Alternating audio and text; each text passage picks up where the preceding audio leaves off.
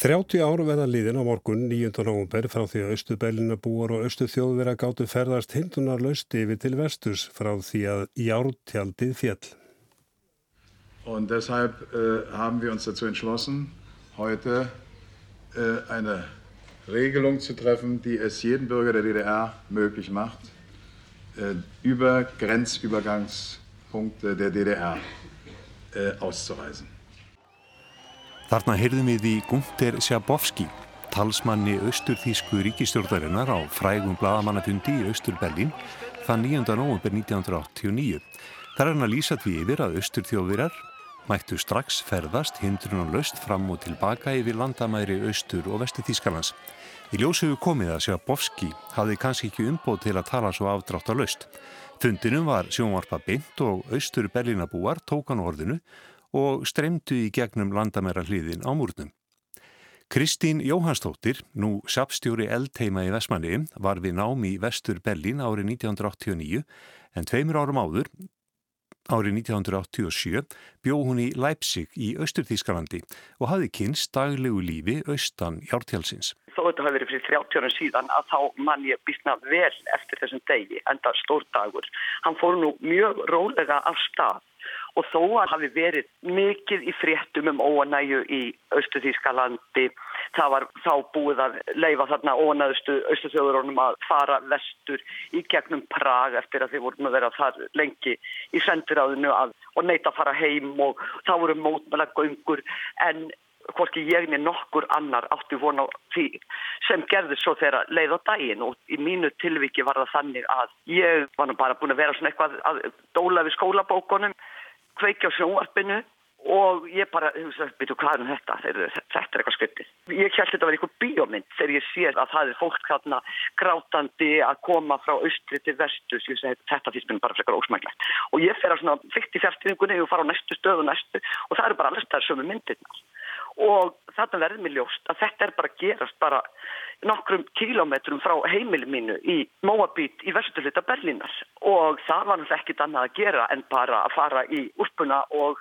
taka hjólið og hjóla þarna uppbyttur og bara vera á staðnum og þetta er náttúrulega eitthvað sem að þú veist maður bara gleymir þess aldrei, þetta var bara ótrúlega að sjá þetta því að náttúrulega maður bara horfa á ystu þjóðverðina, það voru allir hágrátandi, það voru allir að faðma okkur annan og það var verið að drekka þarna og bara gráta og faðmast, þetta var náttúrulega ótrúlega að sjá svo trapan þannig að vera með brúna þarna á þessum fyrsta stað sem var opnaður að já, ég myndi ekki vilja hafa mistað þessu. En Kristín, þú bjóst í Leipzig tveimur árum áður. Varstu farin að skinja það að þetta þjóðfélag var svona á loka sprettinum? Nei, ekki þannig. Það voru óanerattir en það var líka þarna bara fólk sem bara bjóð þarna og talaði bara um þú veist að það væri frábært ef við fengjum meira ferðafrælsi. Rosalega myndi meilanga að koma til Gríklands var fólk að segja en það var ekki bara sko. Við þurfum bara að berjast og bara múrin fer. Fólk var bara að lifa sínu daglega lífi. Það var ekki þetta einast ég þekkti sem að trúði því að það veri spurningum eitthvað mánuði eða tvö ár að þá er bara berlinamúrin farin og bara þetta land sem Australískaland var að þetta er bara lagt niður. Nei, það var enginn sem hugsaði úti eitthvað svoleiðis árið 1987. Þetta var Kristín Jóhansdóttir. Hjónin Helgi Hilmarsson og Hrafnildur Ragnarsdóttir voru líka námsmenni í Vesturbelli 1989 og urðu vitni að heims viðburði. Það var auðvitað gífulegur flottamannaströmmur í gegnum Ungverðarland og Tjekkoslovaki og maður fylgist með því í fréttanum okkur einasta kvöldi Þannig að það var mikið umrót og það lág auðvitað í loftinu að eitthvað stórt myndi eitthvað tíman gerast en maður átti auðvitað ekkit vona því strax en það var alltaf spenna á kvöldin að kveika fréttonum og, og hvað fóru margir í dag og hvernig gekk það og hvað eru stjórnvöld að hugsa núna. Og stór mótmæli náttúrulega. Já, já. Þú veist, það voru 20.000 mótmæli þarna skömmu áður þannig að það var rosa gerjun í gangi sko Já. og hávær krafa um að það gerðist eitthvað Já. það var náttúrulega farið að opnast þarna í löndunum hinum einn við sko mm. Tjekkoslovakæði var eitthvað litið opnuð og fólk var að fara þar yfir í til bæjarn og þúsundir austu þjóður sem að voru í Varsjá sem að rundust inn í vestíska sendir á þið mm. og var búið að flytja yfir Já. og svona þannig að það var opbáslega gerjun í gangi og opbáslega krafa En það var aldrei sko samt, við vorum aldrei komin þang þangað að múrin myndi opnast. Ekki minni minningu eða og alls ekki svo stemning. Það var langt í það, fannst manni. En svo gerist þetta hliðin opnast. Hvernig voru dagarnir þarna á eftir? Þeir voru svolítið bara svona eins og einhver sko, stöðuð þjóðháttíð og allir svona hissa, gladir. Eh, mér fannst alltaf vanta svona daldi umræðina eftir á að við vorum, ég var daldi hrætt þetta kvöld þó ég væri líka glöð, þá var ég daldi hrætt. Mér fannst svo umræða aldrei nánitt sko. Akkur ástu hrætt? Ég bara treysti því ekki alveg að Sovjetríkin myndu standa með þessu einhvern veginn og lefa þess að gerast. Ég var hrætt við einhverja hernaðar í hlutun en það var aldrei rætt, það komst aldrei einhvern veginn upp á yfirborðið. En svo var maður líka gladur en nú um leið mann ég alveg eftir þessari tilfinningu nú er Vestubellin búinn, nú er hún ekki lengur til. Nú er eitthvað allt annað að fara að gerast og... Það kom kannski örlítið segna Já, sko, samt svo ég man alveg eftir þessari umræði það verður aldrei eins. Og því hennar sjarmi og harmur var múrin og hann var að fara.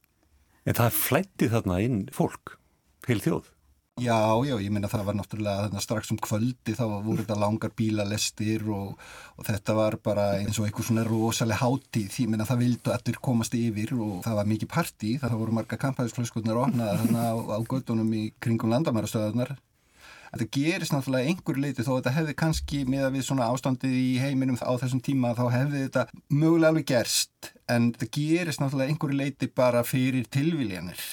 Hérna Sjabovskis eh, gerir unni mistök og segir að það sé búið að opna. Landamæra opnunin gerist bara án tafar og svo gefur landamæravörður allt í hennu bara grænt ljós á þess að hafa í rauninni neina skipinu ofan fyrir því. Hann bara let undan pressunni af því þegar að Sjabovski segir þetta á þessum bladamannafundi sem hann var á að það er opna landamærastöðuna strax að þá streymdi fólk að landamærastöðunum mm. í Berlín til dæmis og það var komin rosalega pressa og krafa þeirra austuþjóður sem voru komnir hann að var að það erið þá opna það væri búið að ofan að gefa leifi fyrir því sko. og hann fórir ekki annað en að opna. Og hann bara lætur vaða og segi bara ok, þetta er bara opið núna og það er opnað. Og maður hefur oft svo skoða myndir af þessu og austuþjóðurinn falladir í trans og fara að gráta og þú veist, trúð ekki sínum eigin augum og svona, þetta var rosalega svona tense moment sko þegar þetta er opnað allt saman. Svo komið þeir aftur, svo fóruð þeir heim þeir koma yfir og lappa eitthvað og lappa nýri bæ og fara svo bara tilbaka. Svo komið þeir bara eftir daginn eftir. Og þá fórum við mannstu með í það var, það er ekki að kalla þetta skrúðgöngum það er bara með 2000 og allir einhvern veginn eins klættir og ég man alltaf að það kom til okkar kona við vorum að lappa þarna með og sagði við okkur þið eruð ekki austurþjóðverjar. Og spurði okkur af hverju við værum þarna. Hvernig þekktuð austurþjóður núr? Á föttunum Þeir voru öðruvísi kliftir og þeir voru í örfísi fötum, það var bara önnur tíska, svona svolítil ríkist tíska. En nú er liðin 30 ár. Hvernig hugnast ykkur svo þróun sem hefur orðið í Tískalandi síðan? Hefur þessi saminning hefnast? Já og nei. Hún varð auðvitað að gerast. Það gefur auðvitað auðvaleið og það hefði ábyggilega þurft að standa miklu, miklu betur að henni en það er alveg ljóst að austur þjóðverðar alveg austast sérstaklega að hafa setið einhvern veginn algjörlega eftir. Svo má kannski segja líka að Östur þjóðverðarnir fóru aldrei í gegnum nazismasögunar eins og vestur þjóðverðar þurftu að gera og gerðu í rauninni bara mjög vel. Östur þjóðverðarnir einhvern veginn fengu bara yfir sér nýtt kerfi og letu svolítið eins og að, þetta hefði aldrei verið á þeirra borði. Það má kannski segja að það eru þetta hluti að þeirra vanda en þarna eru nínasistar, þarna er mikið aðtunuleysi. En ég held nú samt svona, ef maður horfir alveg kallt á þetta þá held ég að Berlín sé betri borg heldur hún var þó að það sé ákveðin eftirsjá hjá okkur sem byggum í Vestuberlin í einhver tíma að þeirri eigu sem hún var þá sko. Hún er náttúrulega allt, allt önnur borg í dag en ég held að þetta sé nú betri borg samt sem áður svona saminuð og samin að Þískaland er betra heldur en Austuðískaland var þó það sé ennþá vandamál og, og saminningin hafi að einhverju leiti ekki tekist eins og menn vonuðust eftir og einhver svona félagsleg vandamál í austustu partum Austuðískalands þá held ég að þú, þú veist það sé að segja að í sjálfu sér hún, hún hefði geta hefnast allavega miklu ver þessi samning heldur en hún gerði sko. En hún varða að verða, það var ekkert annað í stöðinni. Já, já, ég menna það, ég held að það sé engi spurning.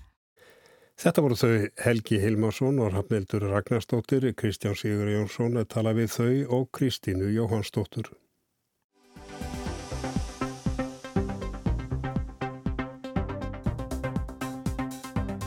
Þú ert í matvöruverslun, þú skimar eftir ákveðnum vörum sem þið vantar en hugsar kannski minna um innviðina.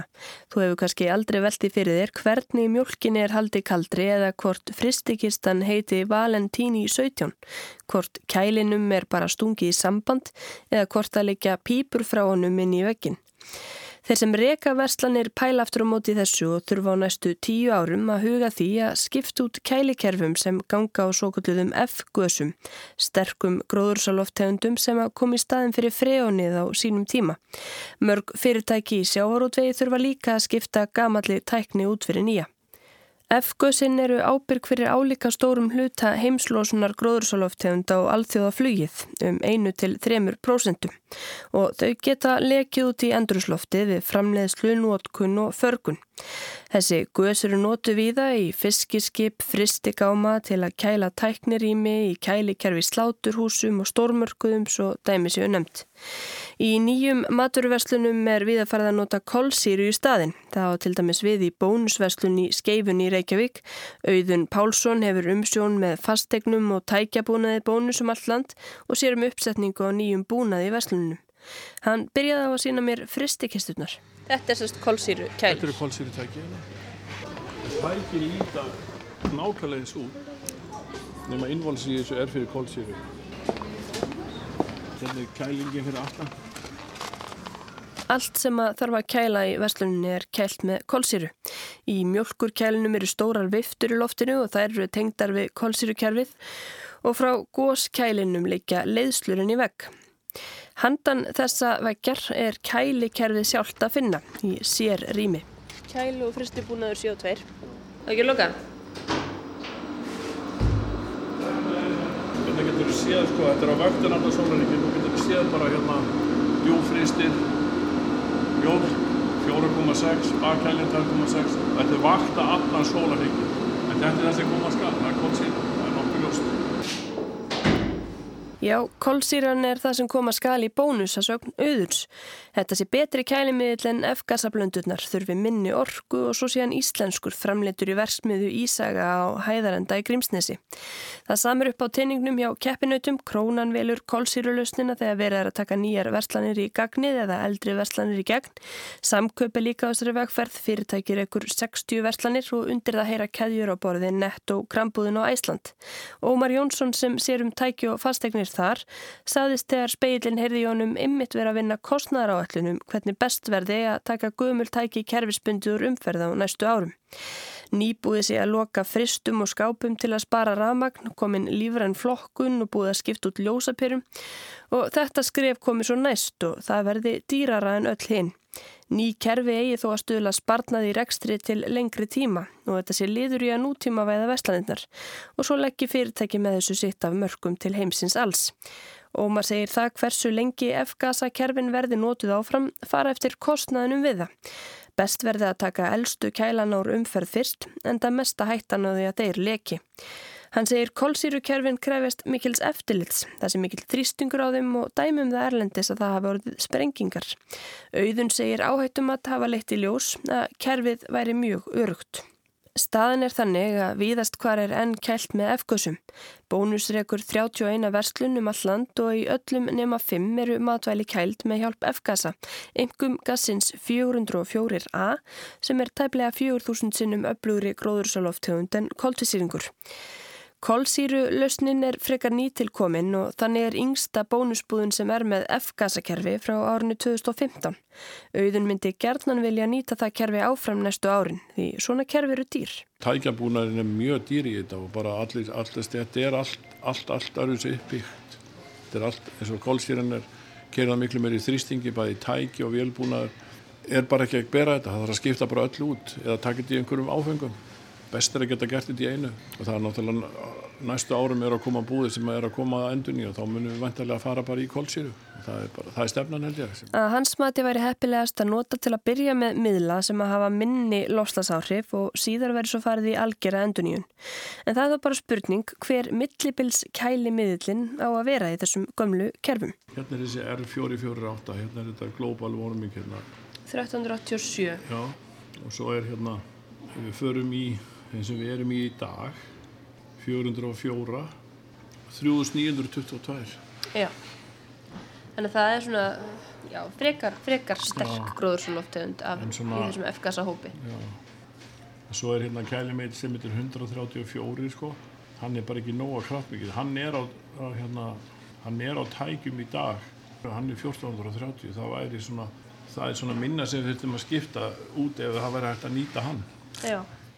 Efnin sem honum hugnast best R448 og R449 er um 1300 sinnum öflugri gróðursaloftegundir en koldusýringur.